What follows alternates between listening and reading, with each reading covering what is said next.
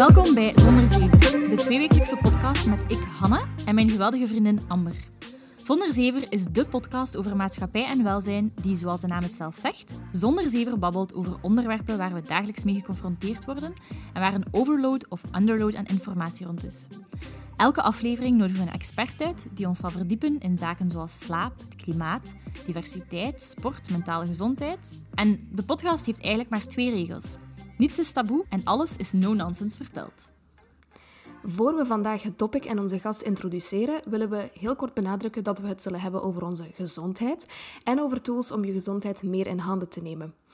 De statements die we doorheen het gesprek zullen voeren slaan dus op mensen zonder ernstige onderliggende gezondheidsproblemen en we willen in geen geval bepaalde disciplines gaan ondermijnen, maar eerder andere perspectieven uitlichten. Vandaag hebben we het dus over hoe we onszelf fysiek en mentaal kunnen sterken. We gaan het hebben over immuniteit en het kapitaliseren van stress. Ja, je hoorde het goed. We weten allemaal wel dat het belangrijk is om gezond te eten, veel te bewegen en in de natuur te zijn. Maar onze westerse levensstijl laat dit niet altijd toe en zorgt ervoor dat we allemaal heel vaak onder stress staan, zowel fysiek als mentaal. Toch vergeten we soms waar ons lichaam en geest eigenlijk toe in staat zijn. Dat gezegd zijnde, consulteer altijd een arts als je je fysiek of mentaal niet goed voelt. Vandaag is onze gast Lieven van Linden. En die zal ons dus meer vertellen over welke zaken een grote invloed hebben op een gezonde fysieke en mentale gezondheid en bijgevolg ook onze immuniteit. Lieven is ultramarathonloper en heeft dus wel wat kaas gegeten van fysieke uitdagingen. Hij wil het effect van fysieke uitdagingen op de geest delen met andere mensen en hen opnieuw laten connecteren met de natuur en zichzelf. Lieven houdt zich bezig met biohacking en is certified trainer bij Wim Hof. En hij maakt er zijn missie van om mensen fysiek en mentaal weerbaarder te maken in onze maatschappij. Dag Lieven, welkom. Dag eh, Hanne, dag Amber. Hallo. Hallo. Uh, ja, we gaan er meteen in vliegen, lieve, met de vraag die we altijd stellen. En dat is, wat is de grootste zever dat je al gehoord hebt over gezondheid, ons menselijk lichaam? Oh, de grootste zever die ik al gehoord heb... Een van de grootste zevers is toch wel dat alle stress slecht is. Uh, mensen denken Hmm. van oké, we hebben stress, we ervaren stress en stress is daarom slecht. Maar er zijn ook andere manieren, en daar gaan we het denk ik vandaag ook nog wel een beetje over hebben, andere manieren om stress in te zetten om je gezonder te maken. Goh, Interessant. Ja, Positieve klinkt- stress. klinkt eh, heel Ja. paradoxaal, maar ja, we gaan het er eens beetje over hebben, inderdaad. Ja. Eh, maar laten we beginnen bij het begin. We hebben ons in onze intro gezegd, je bent bezig met biohacking. Ehm we hebben al heel wat reacties gekregen van, oh, biohacking, super interessant, maar we weten niet goed wat dat is. Kan je dat even kaderen, wat dat juist inhoudt, biohacking? Ja. Biohacking is eigenlijk een hele, hele brede term, ehm, waar het rond draait om eigenlijk je mentale, fysieke gezondheid te gaan verbeteren en optimaliseren. Dus zowel performance als health gaan verbeteren. Maar niet zomaar op het wilde weg, eigenlijk door ja, kleine experimentjes te gaan toepassen op je eigen lichaam. Dus ik geef maar eh, een voorbeeld. Eh, je slaapt slecht. Oké, je kan je slaap gaan tracken met een, met een wearable. Eh, dat is Mm. altijd wel belangrijk. Bij biohacking wordt er heel veel gemeten. Je gaat Ja. informatie uit je lichaam Ja. gebruiken om op basis daarvan eigenlijk te gaan verbeteren. Dus bijvoorbeeld, je slaapt slecht. Je kan dat gaan meten met een Fitbit tegenwoordig of met andere wearables. En dan ga je kleine interventies doen aan je levensstijl. Zoals bijvoorbeeld, oké, de ene avond drink ik alcohol. Wat is nu het effect op mijn slaap? Ga ik Mm. nog slechter slapen, minder in diepe slaap gaan? En wat is het dan het effect als ik geen alcohol drink? Of wat is het effect met cafeïne? En zo ga je eigenlijk kleine experimentjes voeren en dan altijd meten om te zien van oké, wat is het effect op mijn levensstijl? En dat noemen ze biohacking en daar kan je ja, heel veel kanten mee opgaan. Er zit altijd wel wat technologie bij, eh. Ja. maar het kan Ja. zowel van kleine interventies zijn tot hele complexe metingen die je, dat- die je Ja. gaat uitvoeren. Cool. Dus het is eigenlijk vooral ook ehm, zeer persoonlijk, als ik het goed begrijp. Ja, het is eh, compleet persoonlijk, want ja, veel mensen die, die gebruiken al wearables om iets te trekken. Hè. Of bijvoorbeeld een weegschaal is ook al iets om Ja. je gewicht te trekken. Dus, eh, maar ja, tegenwoordig hartslag of aantal stappen dat je zet, Mhm.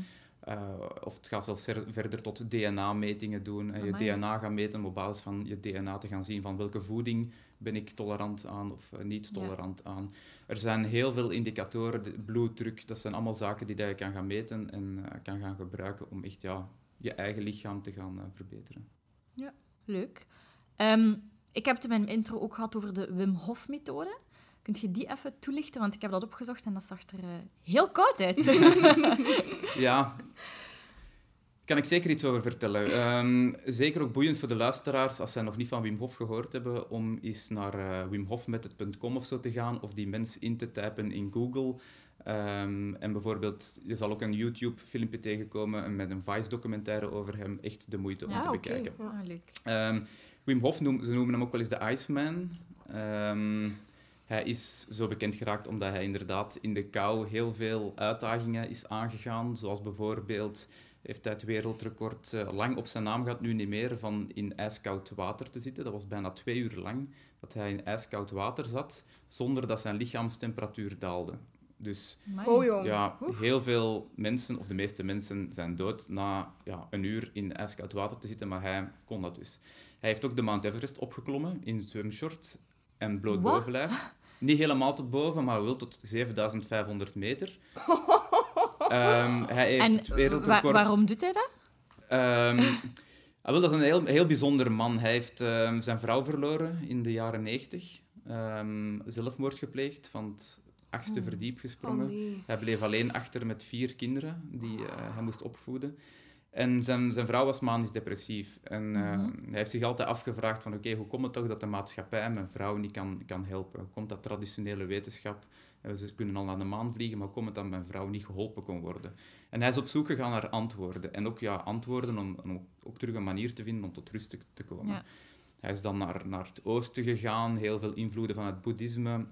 Um, en hij is terug op zoek gegaan naar ja, connectie met zichzelf. En, en ja, dat vond hij dan via bepaalde ademhalingstechnieken en ook via ja, in ijskoud water te, te zitten en volledig ondergedompeld te zijn in ijskoud water. Ja.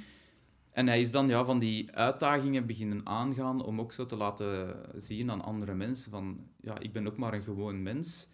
Wat dat ik doe, kan iedereen.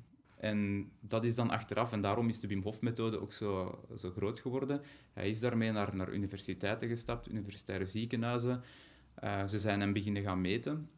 Um, en dat is ergens rond 2011, 2012 geweest. Uh, want ze dachten van, oké, ja, Wim Hof, Iceman, oké, circusartiest, komt hier een kunstje voeren, uh, maar het is een ubermensch. En wat hij doet, kan niemand anders. En dan zijn ze hem gaan in Nijmegen, in Nederland, gaan, gaan opmeten van, van wat kan die man toch? Ze hebben hem ingespoten met een bacterie.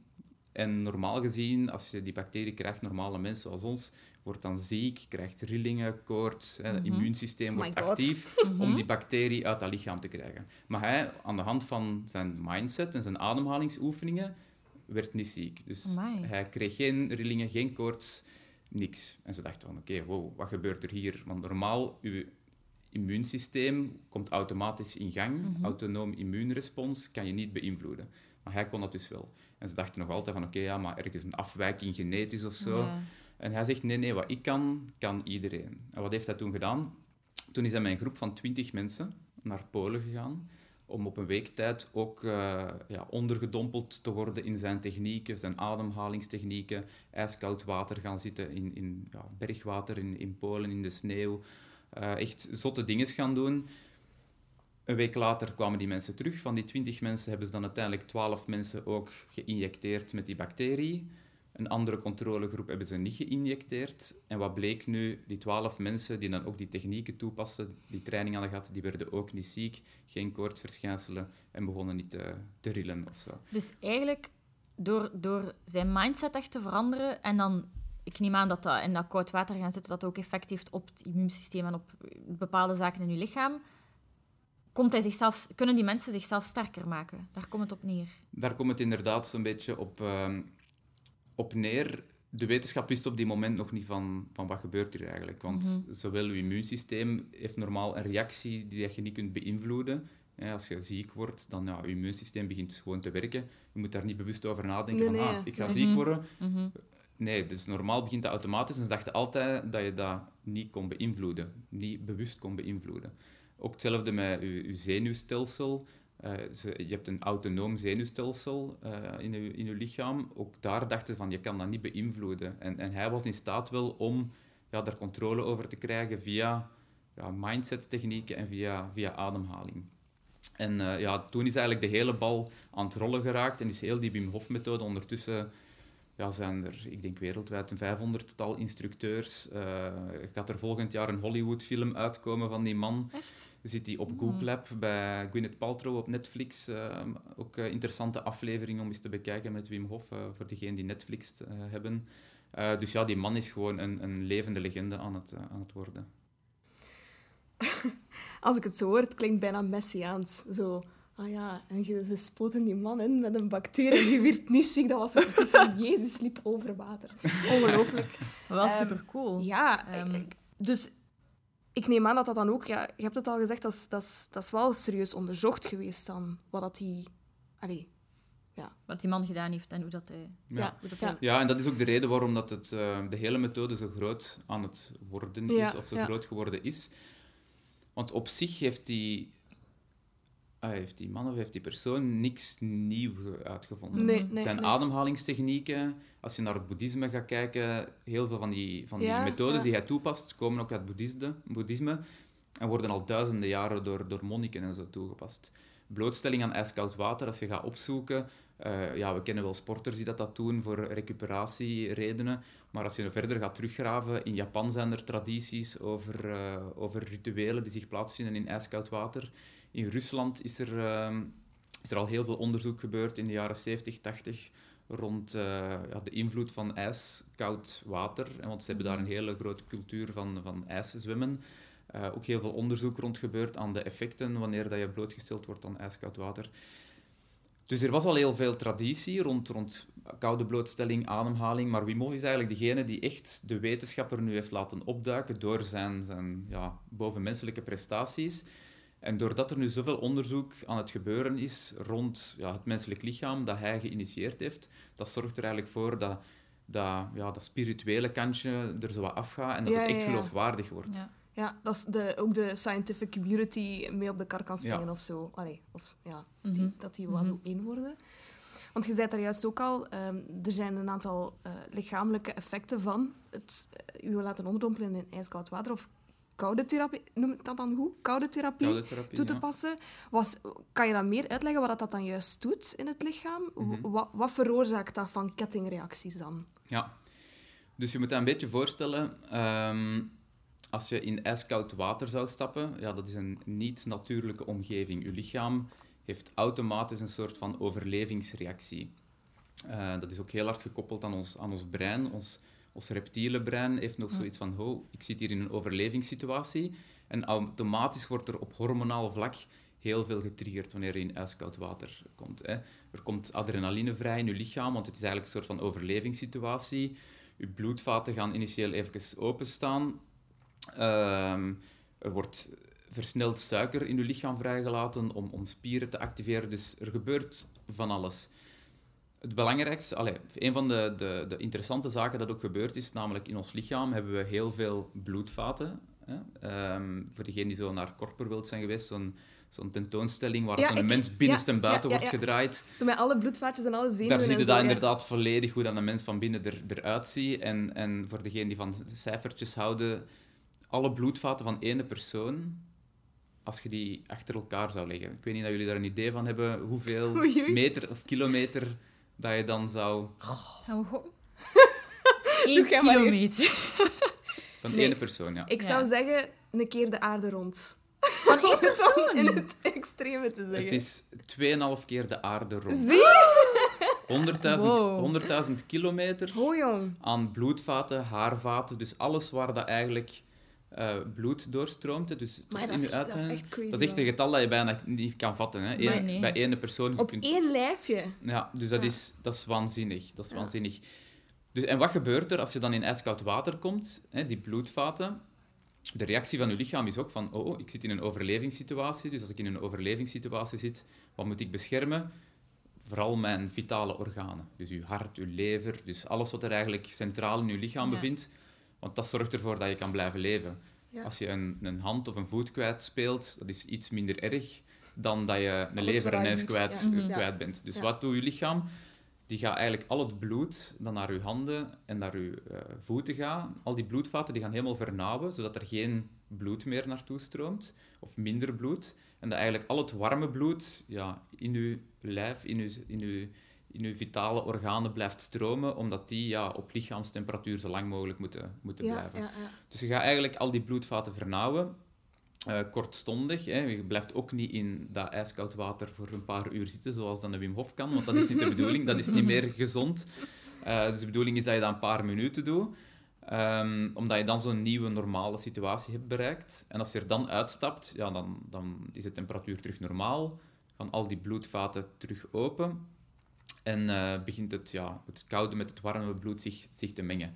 Nu, eigenlijk kan je dat een beetje vergelijken met naar de fitness te gaan, eh, waarbij dat je, je je armspieren traint of je beenspieren traint. Namelijk, je gaat contractie hebben en ontspanning. Dus je gaat eigenlijk door een ijsbad je lichaam of je bloedvatenstelsel trainen om te vernauwen en open te zetten, waardoor dat beter gaat functioneren, zodat je beter bloeddoorstroming krijgt, eh, betere zuurstoftoevoer naar cellen, naar spieren, en dat je dus ja, heel veel gezondheidseffecten door krijgt.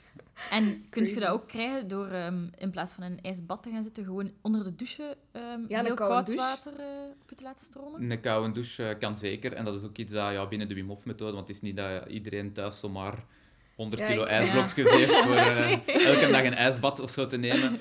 Dus de, het beste alternatief wat iedereen kan doen, is inderdaad een Ja. koude douche En dagelijks? nemen.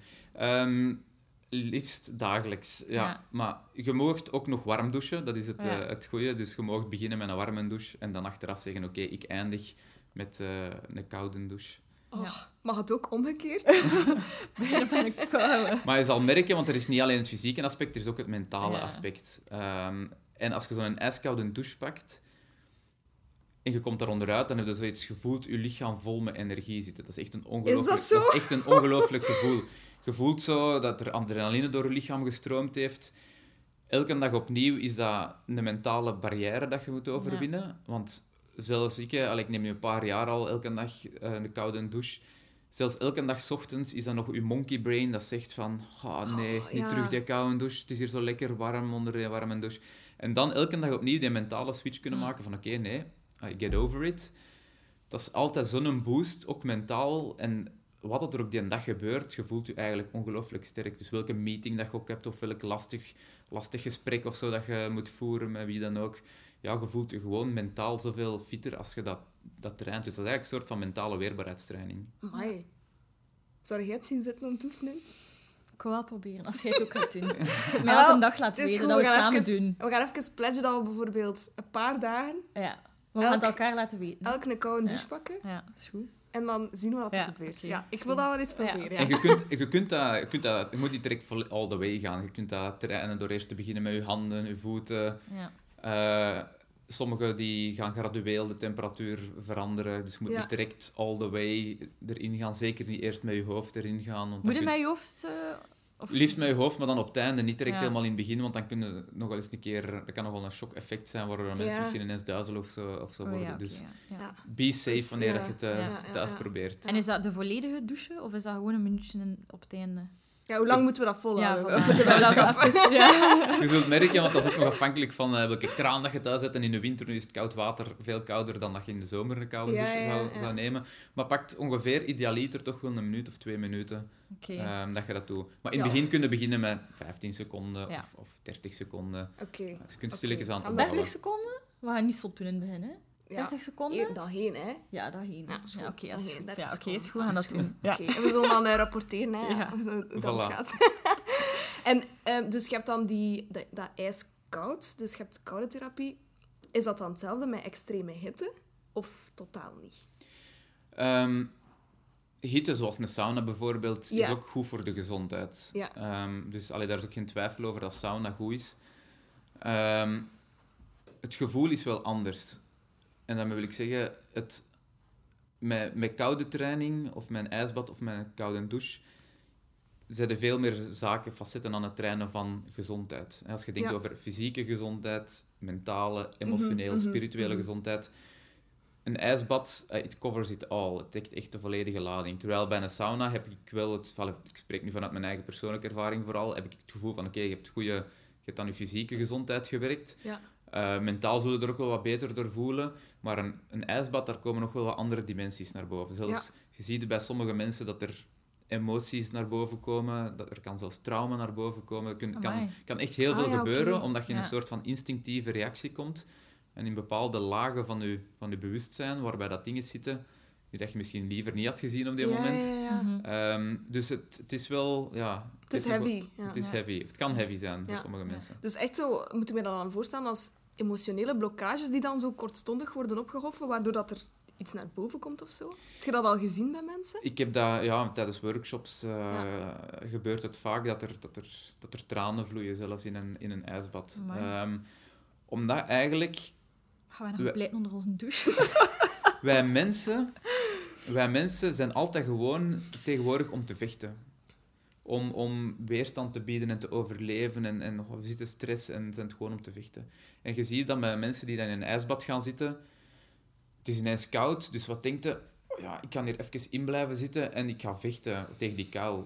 Maar de kunst juist om in een ijsbad het, het aangenaam te maken in de mate van het mogelijke, is om in acceptatie te gaan ja, en om los, over te geven. en om los te laten. Ja. Ja. En wanneer dat je loslaat, bij sommige mensen, ja, die, die moeten wel van alles loslaten eh, waar dat ze op dat moment mee spelen in hun dagdagelijks leven. En dat kunnen ja, emotionele zaken zijn. Ja.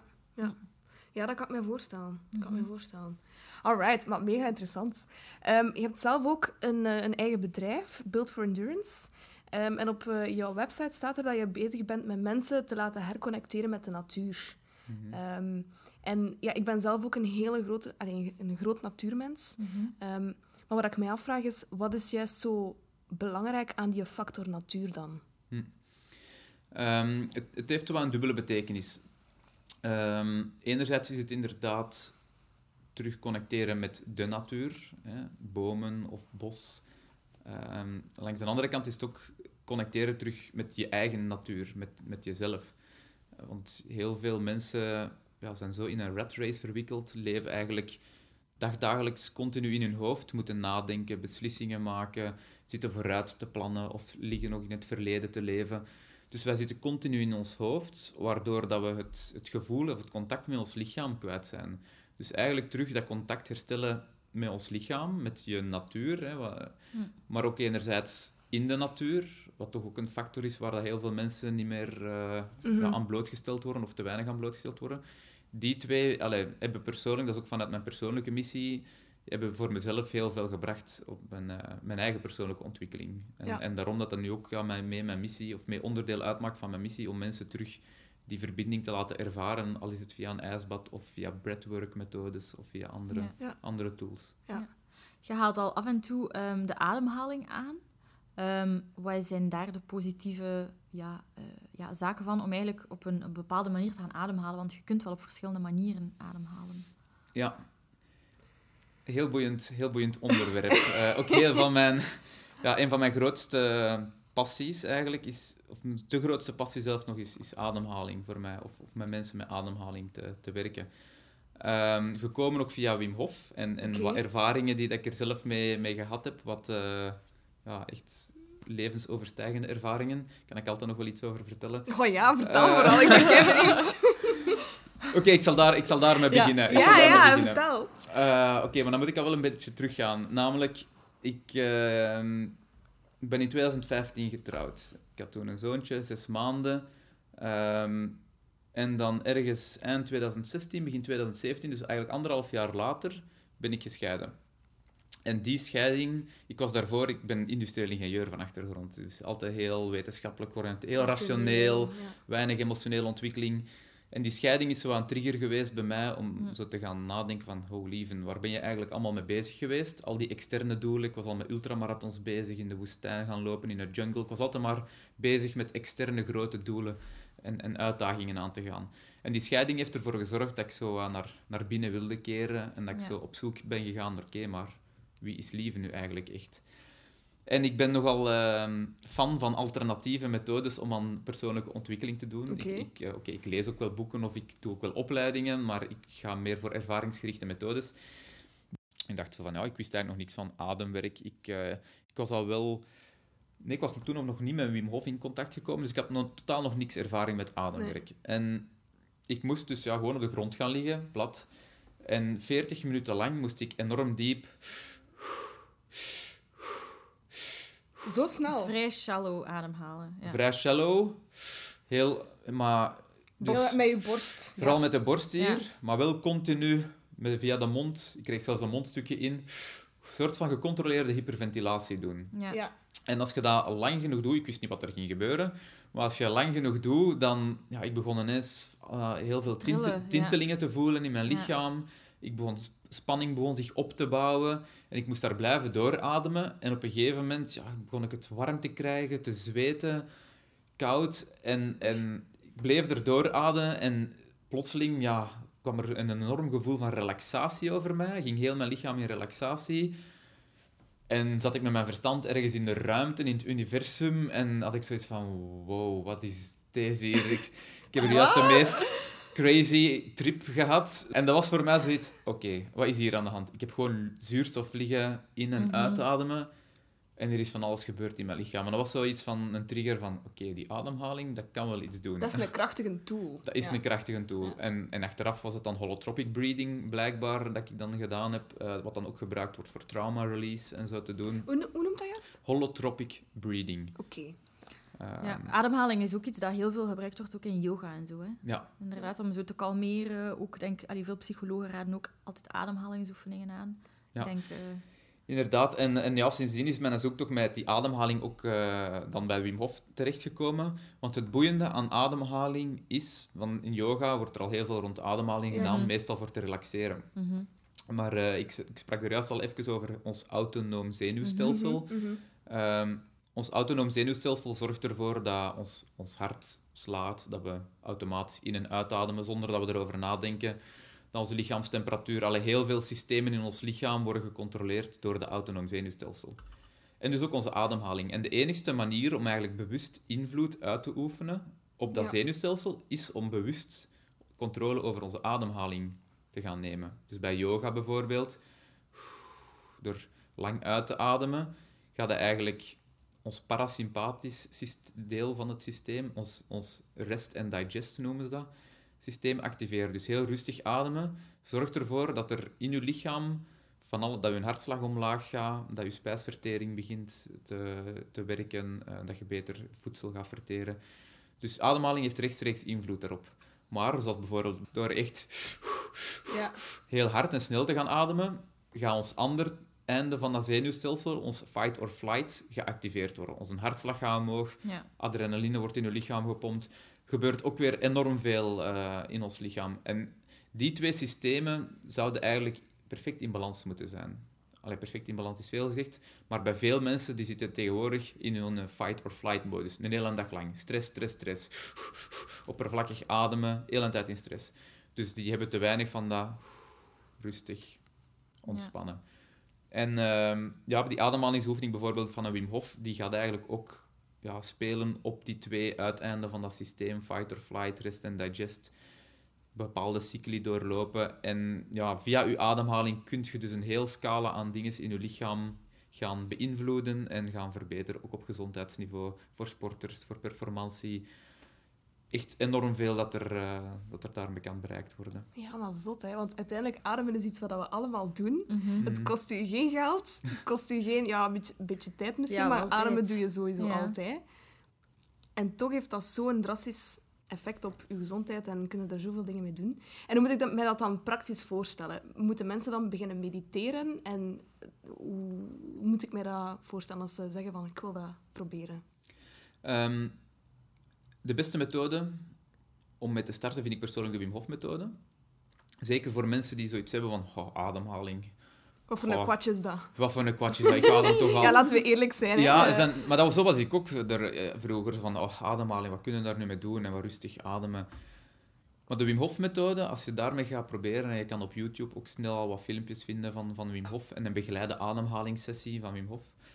Als je die cycli gaat doorlopen, ga je zo wat gecontroleerd hyperventileren. Dat gaat afgewisseld worden met een moment dat je je adem gaat inhouden. Dus je Ja. gaat van alles ook al beginnen ervaren, fysiek, in je lichaam, zonder daarin te overdrijven. Maar dat je toch al zoiets hebt van, oh, wat gebeurt er? Wat gebeurt er hier? En zo'n Wim Hof eh, breathing session, die kan je ook eh, dagelijks doen. Dat duurt 10 minuten of 15 minuten. En heeft enorm veel eh, enorm veel gezondheidseffecten. Amai. Chic. Je sprak zo net over stress en dat iedereen eigenlijk continu in stress leeft en, en dat onze ademhaling ook eigenlijk continu op stress ehm, ja, gebaseerd is. Ehm, maar zoiets nemen zoals een ijsbad, dat is eigenlijk ook wel een soort van stress ervaren. Hè? Ja, klopt volledig. En dat is ook hetgeen dat, ja, met, met even naar het begin terug te komen. In het begin sprak ik van uh, stress is altijd slecht. Heel veel mensen denken van stress, oh nee, ik wil zo weinig mogelijk stress hebben. Ja. Maar we kunnen stress ook wel op een positieve manier gaan, gaan inzetten. En inderdaad, een ijsbad, want als je in een ijsbad gaat zitten, dat is ook geen stresseloze situatie. Mm -hmm. Ijskoude douche, je denkt ook al direct van, oh, stress. Um, dus die negatieve bijklank van stress, dat is ook iets dat we natuurlijk ja, gewoon zijn geraakt doordat we continu in stress, stress, stress zitten en gehaast, gehaast leven. Maar eigenlijk is stress kortstondig gaan toepassen, kan dat gezondheidseffecten hebben. Eigenlijk onder een bepaalde dosis. En het komt erop neer om de juiste dosis te, te vinden. Zoals een ijsbad ga je eigenlijk een paar minuten daarin zitten, de juiste dosis. Maar als je daar 10, 20, 30, 40, als je daar te lang in zit, dan heeft dat geen gezondheidseffecten meer of kan het schadelijk zijn.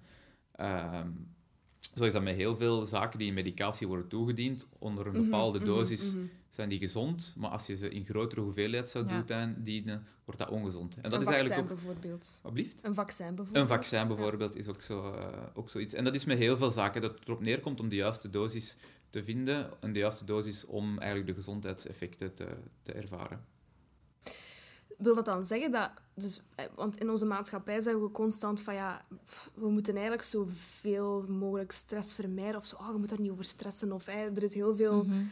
gebaseerd rond het ontstressen. Maar eigenlijk, ehm, om echt gezond en, en sterk te zijn of te worden, uh, zeg je ja, geen stress is eigenlijk dan ook niet goed. Of... Inderdaad, en dat is een beetje wat ik daar net ook zei over ons autonoom zenuwstelsel. Heeft een, een gas eigenlijk, die fight or flight. Hè. De meeste mensen zitten continu een gas in te duwen. Ja. En die rest en digest van in ontspanning te zijn. En als je continu in ontspanning zou leven, zou ook niet goed zijn. Dat zou ook ongezond zijn. En, en, en een, een leuk weetje is zelfs elke keer als je ademhaalt, dus je ademt in en je ademt uit, mhm. bij het inademen activeer je eigenlijk je gas van je zenuwstelsel. En uitademen hmm ga je eigenlijk je ontspanning activeren. Dus zelfs al maar er gewoon in en uit te ademen, ga je rechtstreeks invloed hebben op je gas en op je rem. En de meeste mensen die zijn, zijn te, oppervlakkig aan het ademen en te snel, waardoor ze te veel in op hun gas aan het, aan het duwen zijn. Dus het is belangrijk om die twee in balans te houden. En, en een leuk of een handig toeltje om dat te meten is, is HRV, Heart Rate Variability. Tegenwoordig kan je ook al op een paar smartwatchen dat, uh, dat meten. Want dat zegt eigenlijk iets over de balans van ons, van ons autonoom zenuwstelsel en hoe goed dat je die twee kanten, die fight or flight of de rest en uh, digest, hoe goed dat je die uh, in evenwicht hebt. Ja. Alright. Ik wil het misschien even nog eh, snel hebben over onze, de, de maatschappij waar dat we in leven. Want bijvoorbeeld, wat mhm. we ook al gezegd hebben ervoor, allee, en ook als we zo wat introductiecalls deden samen, um, dan hadden we het over het feit dat ons lichaam eigenlijk niet echt gebouwd is voor de levensstijl die we hebben. Elke dag gewoon achter een computer zitten, elke dag een beetje dezelfde zaken doen. Um, veel binnen zitten, ja, heel, veel binnen heel zitten. beschermd zitten constant, ja, en we leven in ja. huizen enzovoort. Ja, en bijvoorbeeld Aisha vertelde ook in de aflevering van Slaap dat ons brein eigenlijk nog altijd denkt dat wij nog jager-verzamelaar zijn en dat wij... Um, ja, dat, dat, als je zou gaan slapen en als je stress ervaart, dat er dat zoiets is van oei, er zit een leeuw achter mij. Is dat eigenlijk ook zo in, in onze algemene lichaamsbouw en, en ja, als je ons gaat, als je ons gaat vergelijken met de, de Homo sapiens en inderdaad de grotbewoners en de jager-verzamelaar van, van vroeger, genetisch gezien zijn wij nog bijna volledig dezelfde mens. Mhm, dus mhm. ons lichaam, hoe dat, dat zich de afgelopen tienduizenden jaren gebouwd heeft en zich aangepast heeft aan de omstandigheden waarin dat we toen leefden. En die omstandigheden waren veel slechter dan de omstandigheden nu. Mhm. Eh, eh, zoals, ja, het was winter en je kon jezelf bijna niet ver, uh, verwarmen. Ehm, of je moest een dier gaan vangen en twee dagen achter een antiloop gaan, gaan lopen. dat zijn leukere bezigheden.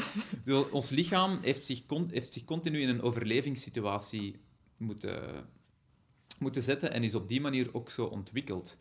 En wanneer je naar onze huidige levensstijl gaat zien, uh, ja, we zijn het gewoon beu geraakt om continu te overleven. Dus hebben we zoiets van, oké, Als we honger hebben, dan eten we. Als we dorst hebben, dan drinken we. Als we het te koud hebben, dan trekken we het eraan of zetten we de Mhm. verwarming een graadje hoger. Dus ons lichaam is het nu niet meer gewoon om te overleven.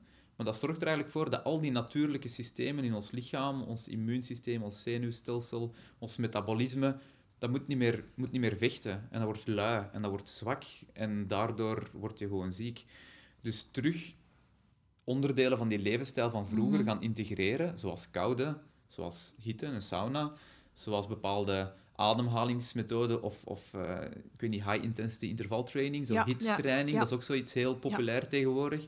Eh, maar ook allemaal heel goed, omdat je kortstondig eigenlijk eh, je hartslag gaat verhogen en je bloedsomloop verbeteren. Dus er zijn heel veel methoden om eigenlijk eh, vaak terug zo een beetje stress toe te dienen, maar dan in een gezonde dosis, zodat eigenlijk je lichaam terug gewoon raakt aan, aan een, een overlevingssituatie.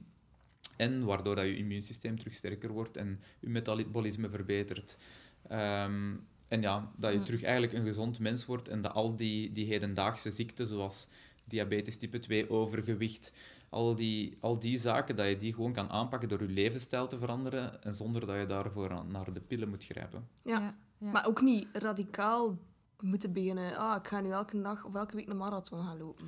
Nee, nee gaat inderdaad. het ook dat, niet is, over. eh, dat is ook te veel natuurlijk. Ja. Ehm, je hebt eigenlijk niet veel nodig om aan je gezondheid te werken. Hè. Een koude douche pakken duurt niet lang. High-intensity intervaltraining. Dus elke dag is het beter om een, een licht intensieve of een intensieve training te doen. Of elk uur even recht te staan en de trappen op te lopen. Dat is beter dan dat je één keer per week intens gaat, gaat sporten. Dus je kan beter elke dag bewegen en elke dag eh je pauzes nemen en rechtstaan en, en even die hartslag omhoog doen. Dat heeft veel betere effecten op je gezondheid dan dat je ineens twee uur gaat lopen of wilt trainen voor een 10 miles of een marathon wilt gaan doen. Want Ja. daar zijn de gezondheidseffecten niet echt. Of meestal zelfs ja, lopen mensen zich in de vernieling dan nog, of in Ja. de voorbereiding naar zo'n marathon toe. Ja. Dus eh, Dus als even recap. Stress gaan toedienen in, in, piek, in pieken. Dus je hebt die chronische stress en je hebt die, je hebt die piekmomenten. Ehm, kan ik daar dan uit afleiden dat echt gezonde stress, hè, dus die piekstress, dat dat rechtstreeks voor een, voor een boost in de immuniteit kan zorgen. En dat stress eigenlijk, voor een hogere stress, leidt tot hogere immuniteit. Ja, natuurlijk niet hogere stress. Je moet daar ook De niet mee, mee overdrijven. In de juiste dosis. Ja. En, en de, de wetenschappelijke of medische term daar is hormesis. Hormesis is eigenlijk ehm, eh, ja, stress in een bepaalde dosis gaan toedienen, eh, wat dat het dan ook, onder welke vorm dan ook, om eigenlijk gezonder en sterker te worden. Dus ehm, ja, klopt volledig. Dus we kunnen op een positieve manier stress integreren in ons dagdagelijkse leven en daar terug gezonder en sterker van worden. Super interesting. Ja. Dus we hebben het al over gehad over ijs. Allee, ijs. dat is niet waar. Ja, Over eh, koude, koude. koude therapie. We hebben het gehad over ademhaling, Natuur. ehm, natuur. Maar we hebben het nog niet gehad over intermittent living of intermittent fasting eventueel. Dus ik weet niet of je daar het een en het ander over kunt vertellen. Want intermittent fasting is de hype tegenwoordig. Is er iets van aan of niet? Ja. intermittent fasting. Ik zal, het eerst, ik zal even intermittent living kaderen, want dat is ook een term dat waarschijnlijk nog niet veel Nee. mensen zullen, zullen gehoord hebben. Ehm, en dat is voor mij persoonlijk ook wel een, een goeie geweest als kapstok van alles waar ik wel mee bezig ben. Want ja, ik doe dan de Wim Hof methode en dan ademhalingsoefeningen. En intermittent living is eigenlijk, waar we het er net over hadden, teruggrijpen naar hoe zijn we als mens evolutionair gegroeid en sterker geworden? En hoe is ons lichaam eh, sterker geworden? En hoe hebben we moeten overleven vroeger? En hoe doen we dat nu niet meer. Dus intermittent living draait erom om eigenlijk terug te grijpen naar de, de, de overlevingssituaties waar dat we vroeger aan blootgesteld waren en bepaalde interventies te gaan toepassen, zoals koude, zoals bepaalde ademhalingsoefeningen, zoals high-intensity intervaltraining, maar ook intermittent fasting is daar dus een onderdeel van. Ehm, en daar zal ik zometeen nog eens over zeggen. Maar bijvoorbeeld ook nog een hele interessante, wat ook nog heel weinig mensen weten, is intermittent hydration. Dus Daar heb ik drinken. nooit van gehoord. Kop. Dat gaat er eigenlijk over. Ja, en allee, je moet me zeker niet geloven, maar wat ik nu ga zeggen, maar bijvoorbeeld Want ja, dat is het moeilijke ook altijd. Er wordt zoveel aan informatie en, en wat moet je op den duur nog, nog, Mhm. nog Maar daarom zijn we weer, hè, zonder zeven. Hè. Voilà, en daarom dat die intermittent living een hele boeiende ook is om te gaan, eh, te gaan bekijken. Ehm, want in België, eh dat komt vanuit de Nederlandse dokter verder, maar in België heb je hier in Gent trouwens, eh, waar dat we nu zitten, het KPNI België, de klinische psychoneuroimmunologie, een hele mond vol. Maar die hebben dus dat intermittent living concept ook mee, ja, alle wetenschappelijk onderzoek Mhm. erachter en, en alles. Dus super superboeiend om te, te bekijken. Maar we hebben daar dus ook intermittent hydration onder. Wat erop neerkomt van, zoals bij fasting, je moet niet een hele dag door drinken. Dus, Ja. dus het zegt niets over de hoeveelheid dat je water nodig hebt. Hè. Dus, dus het zegt niet van, je moet ineens minder gaan drinken of Mhm. meer gaan drinken, maar ook weer de tijdstippen waarop dat we, dat we gaan drinken. Ehm, want een leuk weetje is... ehm, ik zal de vraag aan jullie stellen. Oké. je hebt misschien... ehm, ik, allee, ik weet niet of je veel eh, natuurdocumentaires ziet of documentaires van dieren eh, in Afrika. eh, op National Geographic. Ja. zo, ja. Eh, ik weet niet of het jullie eens opgevallen is dat als in een periode van droogte staan er vaak allemaal dieren rond een plas van water. Mhm. En dan kan je gewoon een, een olifant zien Naast een drinken, leeuw zien, naast ja. een leeuw zien, naast, een, en naast de leeuw staat een antiloop. Terwijl die leeuw op dit moment geen goesting heeft voor die antiloop eh, Op te eten. op te eten. Ja. Dus enig idee wat dat, waarom dat die leeuw eh, geen honger heeft op dit moment? Hmm. Ik zou denken, omdat hij zodanig veel dorst heeft, dat hij gewoon zijn focus op dat, dat drinken zet en niet echt op dat eten. Ja, ik zou ook zeggen dat, dat, dat drinken een grotere behoefte is, want we kunnen minder lang zonder Mhm. water dan dat we zonder Voeding. voeding kunnen. Dus ik zou ook zoiets zeggen. Ja, het zit, eh, het zit zeker in de buurt. Het, Oké. het, het gaat zelfs nog een beetje verder. Ehm, er komt, als je lang niet drinkt, en met lang, als je zo bijvoorbeeld spreekt rond, rond 12 uur of zo, als je, of als je s'avonds om 8 uur ook zou stoppen met drinken, Ja. en de volgende dag, eigenlijk moet je pas drinken wanneer je echt dorst hebt. Wanneer je echt nood hebt aan dorst. Want wat gebeurt er als je lang niet drinkt? Komt er ook een stofje vrij, oxytocine, Ja. het knuffelhormoon. Mhm, mhm. Ehm, en dat stofje zorgt er ook voor dat we minder stress ervaren. Dus dat is een heel leuk stofje dat, om, om te laten vrijkomen. Ehm, maar dat zorgt er ook voor dus dat we minder stress ervaren en dat we minder in die eh, fight or flight zitten. En dat we dus rustiger en ontspannen zijn. En wanneer dat bijvoorbeeld een antilope dan staat te drinken, ehm, gaat hij ook minder gestresseerd zijn. Die is heel ontspannen en ook de leeuw is heel ontspannen en die hebben dorst, dus die, die drinken Mhm. gewoon. En ik ga nu niet zeggen dat die gaan beginnen knuffelen, maar, maar, maar, alles, maar alleszins, dat overlevingsinstinct of die overlevingsdrang is even weg. En dat is ook heel goed om te doen. Want je gaat ook als mens, want wat gebeurt er als mens? Oké, oxytocine komt vrij. Het is niet dat je ineens goesting hebt om iedereen te knuffelen, maar je gaat wel rustiger reageren. Je Mhm. gaat minder emotioneel reageren in, in Mhm, bepaalde situaties. mhm, eh, hetgeen in, dat er in ons hoofd zit, onze amygdala, ook weer zo'n raar Mhm. ding, dat is hetgeen dat continu naar gevaar aan het Ja. zoeken is, Mhm, wordt mhm. een beetje onderdrukt, waardoor dat je eigenlijk ja, meer ontspannen gaat zijn en dus minder vanuit emotie gaat reageren. Dus intermittent hydration is Ja. ook eigenlijk een heel leuk iets om toe te passen, wat voordelig kan zijn op Ja. je stressniveau, of invloed kan hebben op je stressniveau. Ja, en dus met intermittent fasting is dat een beetje hetzelfde in die periode, maar dat gaat dan over voeding. Ja. En moeten we dat in hetzelfde doen? Dus als we zo echt... Oké, we gaan er volledig in.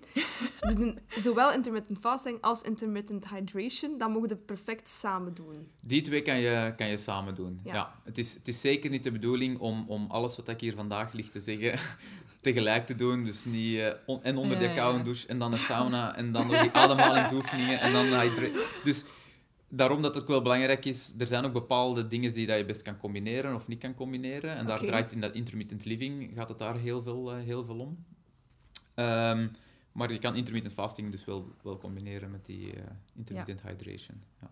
En kunt je eens, concreet uitleggen wat dat dan nu is, die intermittent fasting, en wat dat de ja, positieve aspecten ervan zijn?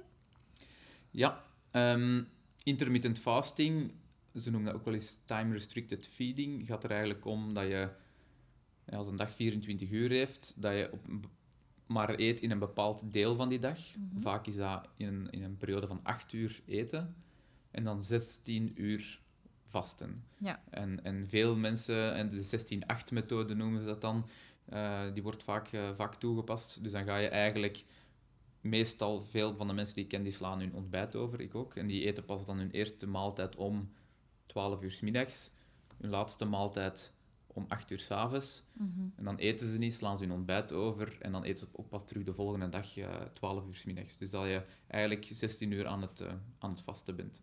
Ja, en wat zijn de effecten daar dan van op je lichaam? Um, enorm veel. Dus eigenlijk een van de dingen wat er gebeurt is, wanneer je continu ligt te eten, krijgt je lichaam continu suiker, glucose binnen. Um, en dan gebeurt er van alles. Te veel suiker is niet goed, dat weten we denk ik wel. Mm en je lichaam moet heel veel energie en tijd steken in het afvoeren van dat suiker naar, naar je spieren, waar het oftewel gebruikt wordt. En als je niet beweegt en je zit een hele dag, dan wordt dat suiker in je lever opgeslagen en dan krijg je vetopstapeling. Dat is allemaal, allemaal heel slecht. Dus als je vast, wat gebeurt er dan? Ja, je krijgt geen nieuw suiker binnen in je lichaam, want eten is, is vaak suiker, meestal suiker. En na x aantal uur aan het vasten, meestal zo rond de 10 uur vast, is je suikervoorraad op en ga je eigenlijk aan je vetvoorraad beginnen verbranden. En dan kom je in ketose, dus al dat keto-dieet waar, je, waar Pascal Naastes ook tegenwoordig uh, boeken over aan het mhm. verkopen is, mhm. is heel populair aan het worden, omdat je eigenlijk in, in vetverbranding gaat. En vetverbranding is veel efficiënter dan, uh, dan suikerverbranding. Uh, er zit meer ook energie opgeslagen. En het zorgt er ook voor dat je daardoor niet van de ene suikerpiek naar de andere aan het leven bent, maar dat je je, je suikerspiegel veel, veel stabieler is door de hele dag door. Dat vind ik, dat, dat vind ik zo wel contradict. Allee, intuïtief zou ik zeggen van als je doorheen heel de dag eet, heb je wel een stabiele suikerspiegel. En als je dan bijvoorbeeld ineens om acht uur uh, s morgens zo baf begint te eten, zou ik denken dat, dat eerder dan je suikerspiegels vrij uit de pand swingen. Ja. Het is eigenlijk al sowieso niet de bedoeling dat onze suikerspiegel uit de pan swingt, onafhankelijk van wanneer, dat we, wanneer dat we eten. Ehm, dus ons lichaam is het zelf wel gewoon uh, om zijn suikerniveau stabiel te houden. Nou, we waren ook over die, die voordelen van, van intermittent fasting, ja, fasting bezig. Hè? En um, er is ook al, heel veel, ook al heel veel onderzoek. Ik vind het altijd leuk om zo af en toe eens iets van onderzoek te zeggen dat, er mhm. rond, dat er rond gedaan is. En uh, muizen die zijn, zijn heel dankbaar in, in onderzoek, omdat die heel hard lijken op, op de mens qua, qua fysiologie en zo. Um, en een tof onderzoek om daarbij te vermelden is dat er is twee groepen van muizen genomen waren die dat dezelfde calorie-inname kregen. Dus die, mm die konden evenveel eten. Maar de ene groep muizen had 24 uur op 24 toegang tot dat eten, om dat op te eten. En die andere groep had maar 8 uur van die 24 toegang tot dat eten. Nu, ze hebben dat lang laten doorlopen, ongeveer, ongeveer 18 weken. En na die 18 weken gingen ze zien van oké, ja, hoe zit het nu met, de, uh, met die twee groepen van, van muizen.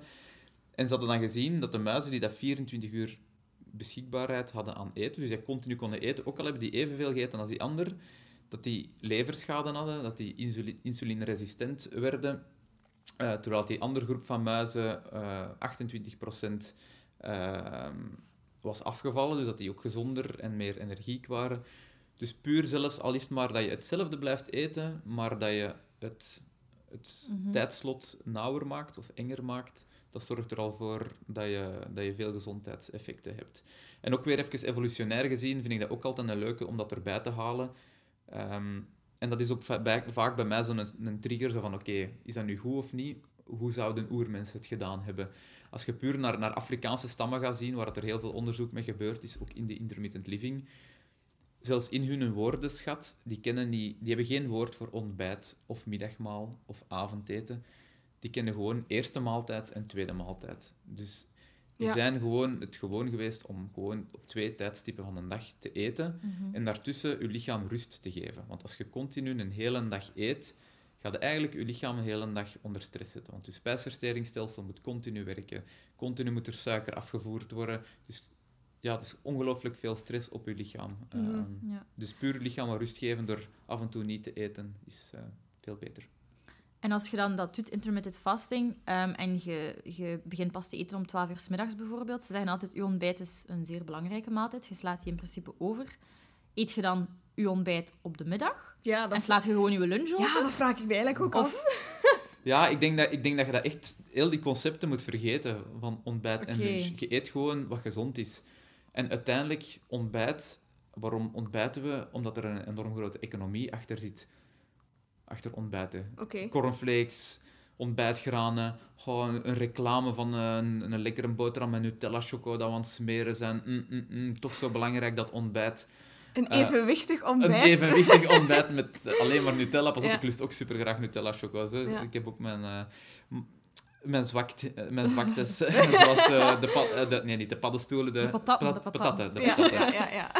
Dus ja, is, dat is gewoon allemaal ja, economisch natuurlijk. Gaat er niemand geld mee verdienen door te zeggen van oké, nu moet je niet eten. Ja, daar, daar verdient niemand, niemand geld mee. Ja, super interessant. Ik heb ook op uw LinkedIn gelezen, een post, dat, waarin dat je zegt dat vasten, hè, of of intermittent fasting, of vasten, uw immuunsysteem in drie dagen kan versterken. Mhm. Dat is relatief snel, denk ik dan. Ja, het, het ding is dat wij ook weer al... Ik vind het zelf gewoon interessant. Hè? Ik hoop dat jullie het ook interessant vinden. Zeker. Maar ehm, wat gebeurt er eigenlijk wanneer dat je voedsel inneemt? Vroeger, als we in de grot leefden en we gingen naar buiten en we pakten een besje en we staken dat besje in onze mond of een noot in onze mond, dat was niet vrij hygiënisch. We konden dat nog niet heel proper maken en afspoelen of we spoelden het af met rivierwater. Dus ons lichaam heeft zich zo ontwikkeld dat als we iets van voeding in ons eh, lijf steken, dat ons immuunsysteem ook automatisch geactiveerd wordt. Want dat immuunsysteem heeft zoiets, ah, voeding, daar zitten bacteriën bij, virussen bij, ik moet in actie schieten ehm, om die eh, neer te knallen. De dag van vandaag is dat nog altijd, als wij eten, zelfs is dat nootje perfect proper, is dat fruit perfect mooi gewassen, dan nog gaat ons immuunsysteem in gang schieten en gaat dat beginnen werken, waardoor dat overactief wordt. Ehm, dus Mhm. gewoon onze maaltijd laten vallen, en, of een maaltijd laten vallen, of meerdere maaltijden laten vallen, zorgt ervoor dat je je immuunsysteem ook, ook rust geeft, zodat dat, kan, zodat dat kan herstellen. En dat is dus echt wel vrij snel, na enkele dagen, na een week, dat je gewoon al, ja, dat je immuunsysteem sterker wordt. En dat je gewoon beter bestand bent als er echt effectief dan Mhm. Een gevaarlijk virus eh, binnenkomt. Intermittent fasting is geen dieet. Dat is een levensstijl gewoon. Dat is geen dieet. En Ja. mensen, er zijn mensen die daar wel mee afvallen. Maar ik doe dat ook. Maar ik, dat is niet voor mij voor af te vallen. Maar afvallen is een nice to have. Afvallen is een nice to have. Het is gewoon een andere levensstijl. Het is, en het, het leuke eraan is van... Ja, je hoeft niet te eten. Je moet er niet veel bij nadenken. Dus je eet gewoon even, even niet. Ehm, dus je moet niet te veel liggen afwegen of, of doen. Eh, en het is een heel stabiele manier van, van afvallen. Het is niet zo even, ik ga een dieet doen en dan daarna herval ik. Nee, je kunt heel stabiel, ehm, ja, heel stabiel gewoon je levensstijl gaan veranderen. En zelfs ik heb mijn suikerverslaving onder controle mee gekregen, Amber. Eh, ik, ik had altijd zin in zoetigheden na, Altijd. na mijn Ah, eten. En, en ja, heel, eten is bij mij altijd een gevoelig puntje geweest. Ook al heb ik eh, extreme uitdagingen gedaan en doe ik nog, dan nog is het moeilijk voor mij om een stukje chocolade of een koekje of een stuk taart. Oh, oh, dessertjes. I love them. En de, de laatste maanden ben ik echt heel bewust met die intermittent fasting bezig geweest. En plotseling is mijn drang naar zoet verdwenen. En ik ben er nog niet uit of dat dan nu positief is of niet, want ik mis af en toe wel dat chocolatje in mijn hoofd nog. Maar mijn lichaam, eh, die craving is gewoon weg. En dat is, dat is een heel bizar gevoel. En ook mijn energieniveau is veel stabieler. Ik zit meer met die dalen en zo. Of die namiddagdiepjes. Dus, eh, dus ja, Minder of meer? minder hè. Oh, de namiddagdip. Dodelijk. Ben je Ja. ook? Ja, iedereen. Dus het Maar komt er nog ja. altijd wel op neer om, om gezond te eten en voldoende te eten en je Ja. calorieën binnen te nemen. Ja. Maar het is vooral ja, wat dat je Ja. in je mond steekt. Hè. Ehm, maar alles wat van groene groenten is, of broccoli of sla. Ik, ik, ik eet graag ook olijven met dan wat feta kaas erbij. Ehm, eh, vlees in beperkte mate, niet heel veel. Ook daar kunnen we weer gaan nadenken van... Blij dat je het zegt, lieve. je, Alsjeblieft. Blij dat je het zegt. Als je vroeger uit je grot kwam hè, en, en je moest kiezen tussen ik ga nu twee dagen op een antiloop jagen om die misschien te vangen, of ik ga achter de hoek in de rivier proberen een vis te vangen, of een besje, of wat noten en zaden te eten, Ja. dan koos het daarvoor. Mhm, mhm. En, en oké, af en toe een jacht om een groot dier te vangen dat je dan kon gaan opslagen, dat was goed. Maar het is dus ook niet dat, dat er continu eh, elke avond een feestmaaltijd Ja, maar was. dat is denk, ik- denk ik de misconceptie, want onze porties van vlees zijn zodanig groot, Mhm. momenteel, hè, een grote stik of zo. Mhm. Maar ik kan mij... Allee, ik weet het niet, ik was er niet bij natuurlijk, maar eh, ik kan mij voorstellen dat de, dat de porties wel... Dat was, allee, dat was ook niet, ah, we elke dag vlees. Nee, dat was een keer als chance had. Hij had een keer een mammoet... eh, een mammoet, eh, ja, een mammoet, hè. Een mammoet neergestoken of zo. Maar dat is zo wel een misconceptie, want vaak, ik weet niet of je dat weet, lieve, maar wij zijn allebei vegetariërs. Ehm, om meerdere redenen. Maar dat, dat is dan zo rap het argument. Hè. Zo, ja, maar ja, in de Noertijd eh, hadden ze ook vlees. En, ja, dat is waar. Maar niet alleen dat. Allee, Mm. Toch? Of Ja, niet? en zelfs nu dan het meeste van vlees dat je dan nog eet, is zo verwerkt, er zit eigenlijk niks meer, er zit niks meer in. Er zit van alles in, maar niet geen dat nog nodig is. Dus Ja. Ehm, ik ben ook lang vegetariër, even veganist geweest. Ehm probeer er gewoon bewust mee, mee om te gaan. Ja, het is en, dat, het is en, eh, als je dan... Allee, ik, ik eet dan ook wel veel, veel kip en zo, maar probeer gewoon te zien van, ja, van waar komt het nu? Ja. Is het op een Ja. verantwoorde of bewuste manier? Ja. eh, Ja, want ik heb eh, een website gezien, ik ga wat tegen mijn eigen winkel spreken, maar bon. Ehm, en dat heet, ik denk, kopenkoepen.be of zoiets, of kopenschapen.be. Ja, ja. En dan ja, ik weet het. Eh, Kopenkippen.be, weet ik ook. Ja, Bon, dat dat is zo, ook. ja. ja. En daar kun je eigenlijk zo zeer biologische, ehm, ja, biologisch vlees kopen. En dan denk ik, als je dan vlees gaat eten, is dat wel de, de, de betere manier om het te doen. Ja, Ehm. een hele, hele allee, toffe website is veel gezegd, maar heel leuk concept wel, want je ziet daar effectief, dus niet de echte koe, maar een, een cartoontje Ja. ervan. En je kunt dan echt pakket, je koopt dan ineens pakketten voor ook in een diepvries te steken. En het is pas wanneer dat mensen die pakketten beginnen te kopen, dat je ziet hoeveel procent van die koe gekocht is. Dus Mhm. je koopt eigenlijk dat hele beest. En pas als dat volledig, al die pakketten Ja. gekocht zijn, Ja. wordt Dan dat dier wordt het geslacht, geslacht. en worden al die pakketten opgestuurd Ja. naar, de, naar de mensen. Dat vind ik wel echt supergoed. Ja. Allee, don't kill animals, dat is niet moe in onze... Maar ja, nee, kijk, maar ik, ik vind hè. wel, Ja. je moet realistisch zijn. Ja. Een, een, een volledig vegetarische samenleving, dat bestaat niet. Of dat gaat nooit niet bestaan. En ik vind ook dat je, als je dan de keuze maakt, dat je die iets bewuster maakt. Mhm. En ik vind, niet iedereen moet al, allemaal vegetarisch zijn. Nee, als nee. we allemaal 30% vegetarisch zouden zijn, dan zouden we al in een heel andere wereld leven. Maar goed, dat is een andere discussie. Ehm, ik wou nog één ding, want wat ik ook op jouw LinkedIn had gelezen, is dat er ook een link is tussen yoga en het immuunsysteem. Klopt, klopt. Ik moest even, ik moest even teruggaan in mijn, eh, in mijn geheugen. Maar ehm, het ding is vooral, ik ben, waarom dat ik moet teruggaan in mijn geheugen, is ook, ik, ik beoefen zelf geen yoga. Oké. ik, ben, ik heb het wel een paar keer gedaan, maar voor mij is het... ehm, Te saai? Oppassen, oppassen wat ik zeg. Ehm, ja, ik, ik heb zoiets precies andere triggers nodig om Ja. aan mijn gezondheid te Ja, werken. En voor mij is yoga nooit echt de toegangspoort geweest tot meditatie of tot, tot ontspanning. Ja. Ik heb zoiets meer, meer Mhm. actie daarvoor nodig of iets meer stresspiekje nodig. Eh, maar het is blijkbaar wel dat yoga, eh, want er is ook al wat onderzoek rond gebeurd, dat yoga eh, ja, anti-inflammatoire effecten heeft. Dus dat er bepaalde hormonen vrijkomen die ervoor zorgen dat ontstekingen uit je lichaam, eh, uit je lichaam weggaan. Dus yoga zorgt voor ontspanning eh, via de ademhaling, maar zorgt ook ervoor dat ontstekingen uit je lichaam weggaan en dat ons immuunsysteem dus ook, eh, ook versterkt. Want ons immuunsysteem is eigenlijk kleine ontstekingsjes in je lichaam veroorzaken. Dat is ons immuunsysteem om dan terug de, de genezingsproces te starten. Dus dat immuunsysteem even gaan ja, minder actief maken, zorgt er eigenlijk ook dat je, dat je er gezonder uit wordt. Oké. Ehm, dus lieven, als ik het goed begrijp, dan eigenlijk alles wat we vandaag besproken hebben, van die intermittent living, fasting, ademhaling, ook ijsbanen en zo, alles is eigenlijk vrij persoonlijk. Ehm, dus iedereen kan eigenlijk kijken wat werkt er voor mij, wat maakt er mij fysiek en mentaal gezonder, en dan die zaken gaan toepassen.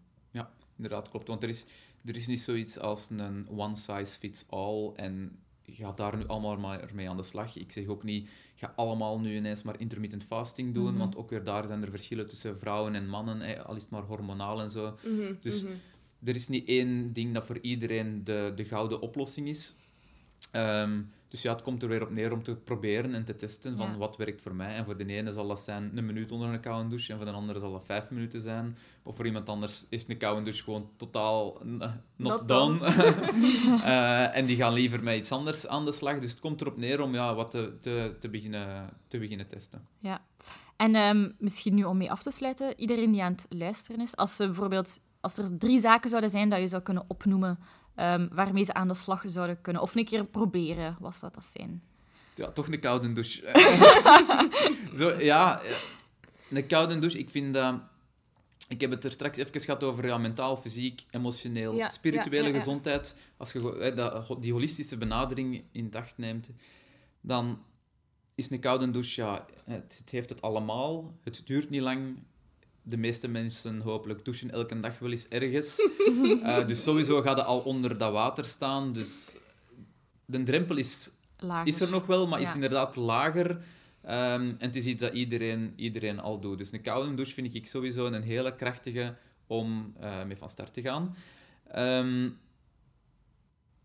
ja, ik, tegenwoordig, ik zou het misschien een jaar geleden nog niet gezegd hebben, omdat ik er nog niet zoveel mee bezig was, maar intermittent fasting vind ik echt wel waanzinnig goed. Als mensen die daar last hebben van suikerpieken en dalen of moeilijkheden hebben om hun, hun eetpatroon onder controle te krijgen, niet per se nog niet eens willen afvallen of zo, maar gewoon hun, hun eetpatroon onder controle krijgen en een stabiel energieniveau doorheen een dag willen, daar zou ik zeggen van, ja, probeer toch eens een keer met intermittent fasting aan de slag te gaan. En dat moet ook weer niet direct 16-8 zijn, hè, waarbij dat je 16 Mhm, uur mhm. eh, vast... Je kan starten met een 12-12 Ja. of zelfs een, een 10-14. Dus je kan ook dat weer gaan beginnen opbouwen en eh, zien, oké, ja, die stress dat ik ervaar, of dat craving-effect, hoe groot is dat?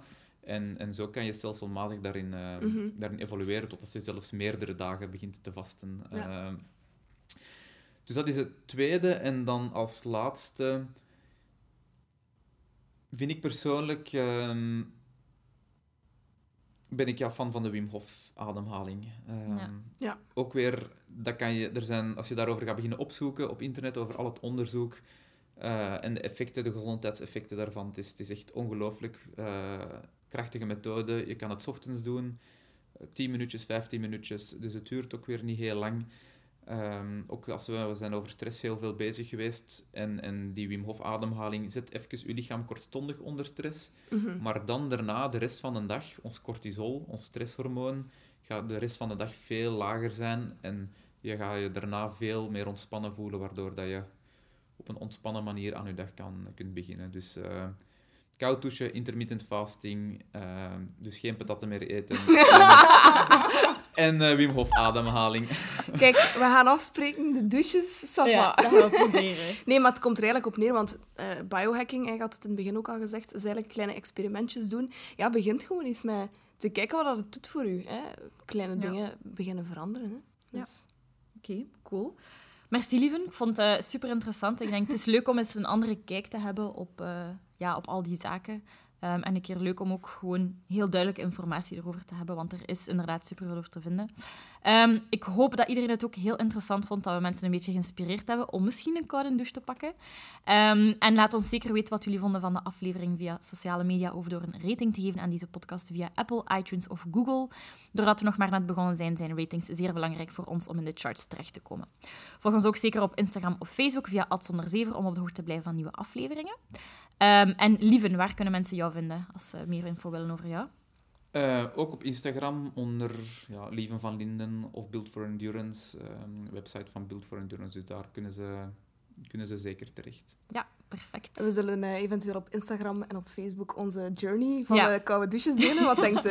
Ja, Eh, dus goed. doe gerust mee, eh, de mensen thuis, als je, als je goesting hebt om een challenge met ons aan te gaan. Kan altijd. Ja. We, zullen, eh, we zullen eens zien wat we ermee kunnen doen. Inderdaad. Voilà. En eh, hopelijk luisteren jullie de volgende aflevering ook mee. Merci iedereen. Bye-bye. bye bye, lieven. Dankjewel. Bye.